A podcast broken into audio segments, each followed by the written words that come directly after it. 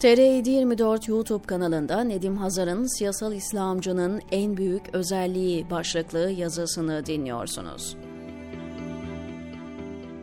Esasen kadim ve toplumları içten içe bitiren bir problematiktir haset.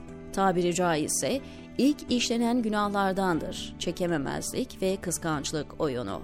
Dünya öncesine kadar uzanır kadimdir.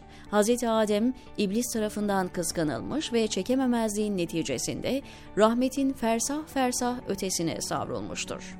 Kabil'le yeryüzünde hemen tekrar sahnelenir ve sonrasında tarih boyu tekrar ettiğini görürüz. Kabil, Habil'i çekemez. Firavun Hazreti Musa'yı, Hazreti İsa da kurtulamaz bu derin hastalığın sahiplerinden. Hazreti Peygamber Efendimiz de.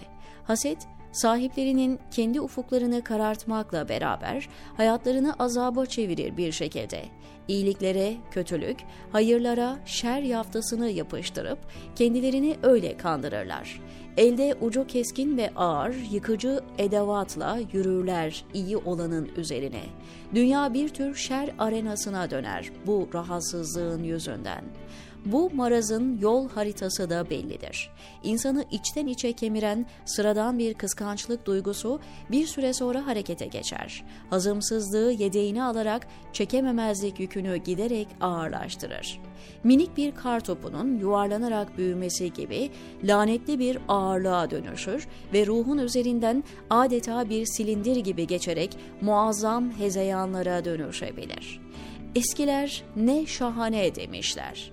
Kıskançlık, kıskanılandan çok kıskanana zarar verir. Bir kere vicdan yara almıştır ve güzellikler, iyilikler rahatsız etmeye başlar haset sahibini. Muhatabındaki her haslet onu rahatsız eder ve bir bumerang misali kendi kendine zarar verircesine homurdanmaya başlar. Uykuları kaçar ki nefret tam da böylesi alanlarda kendine yaşam alanı bulur. Halkın ve hakkın teveccühlerini sorgulamaya başlar. Belalar, kahırlarla önce pasif bir duruşa geçer. Ardından eyleme geçirir bu maraz sahibini.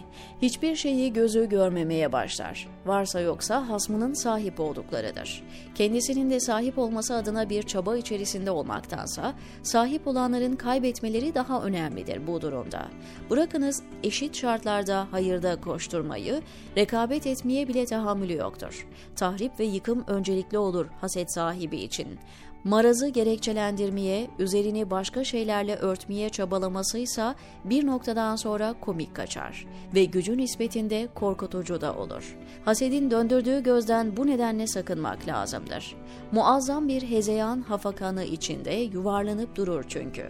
Gökyüzü daima kasvetli, havası sürekli elektrikli olduğundan ruh hali giderek bozulur.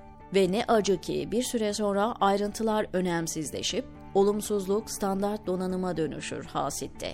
Artık neredeyse bütün iyiliklere düşmandır ve bütün güzellikler onu rahatsız etmeye başlamıştır.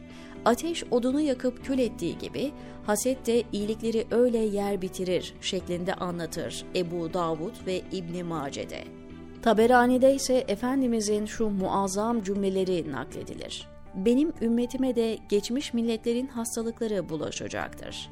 O hastalıklar şımarıklık, küstahlık, servet çokluğuyla övünme, birbirine sırt dönüp uzaklaşma ve çekememezlikti. Bugünlerde siyasal İslamcıların nasıl bir haset içinde kıvranıp adeta kendi kuyruğunu ısıran yılan gibi kendilerini yutmaya başlaması haset hastalığının vardığı evre açısından ibretliktir. Bu nedenle kendileri dışındaki herkese hain, terörist, alçak diyebilmekteler rahatlıkla. Siz yeni bakan yeni anlayış, artık demokratız filan güzellemelerine sakın ha sakın kanmayın. Siyasal İslamcıda iki şey asla değişmez. Münafıklık ve haset. Onların asli vazifesi yapmak değil, yıkmaktır. Onarmak değil, kırmaktır. Koymak değil, çalmaktır. Haset, keskin sirke gibi kendilerini bitirene kadar buna devam edecekler. Biz ne dersek diyelim, diyor Nedim Hazar TR724'deki köşesinde.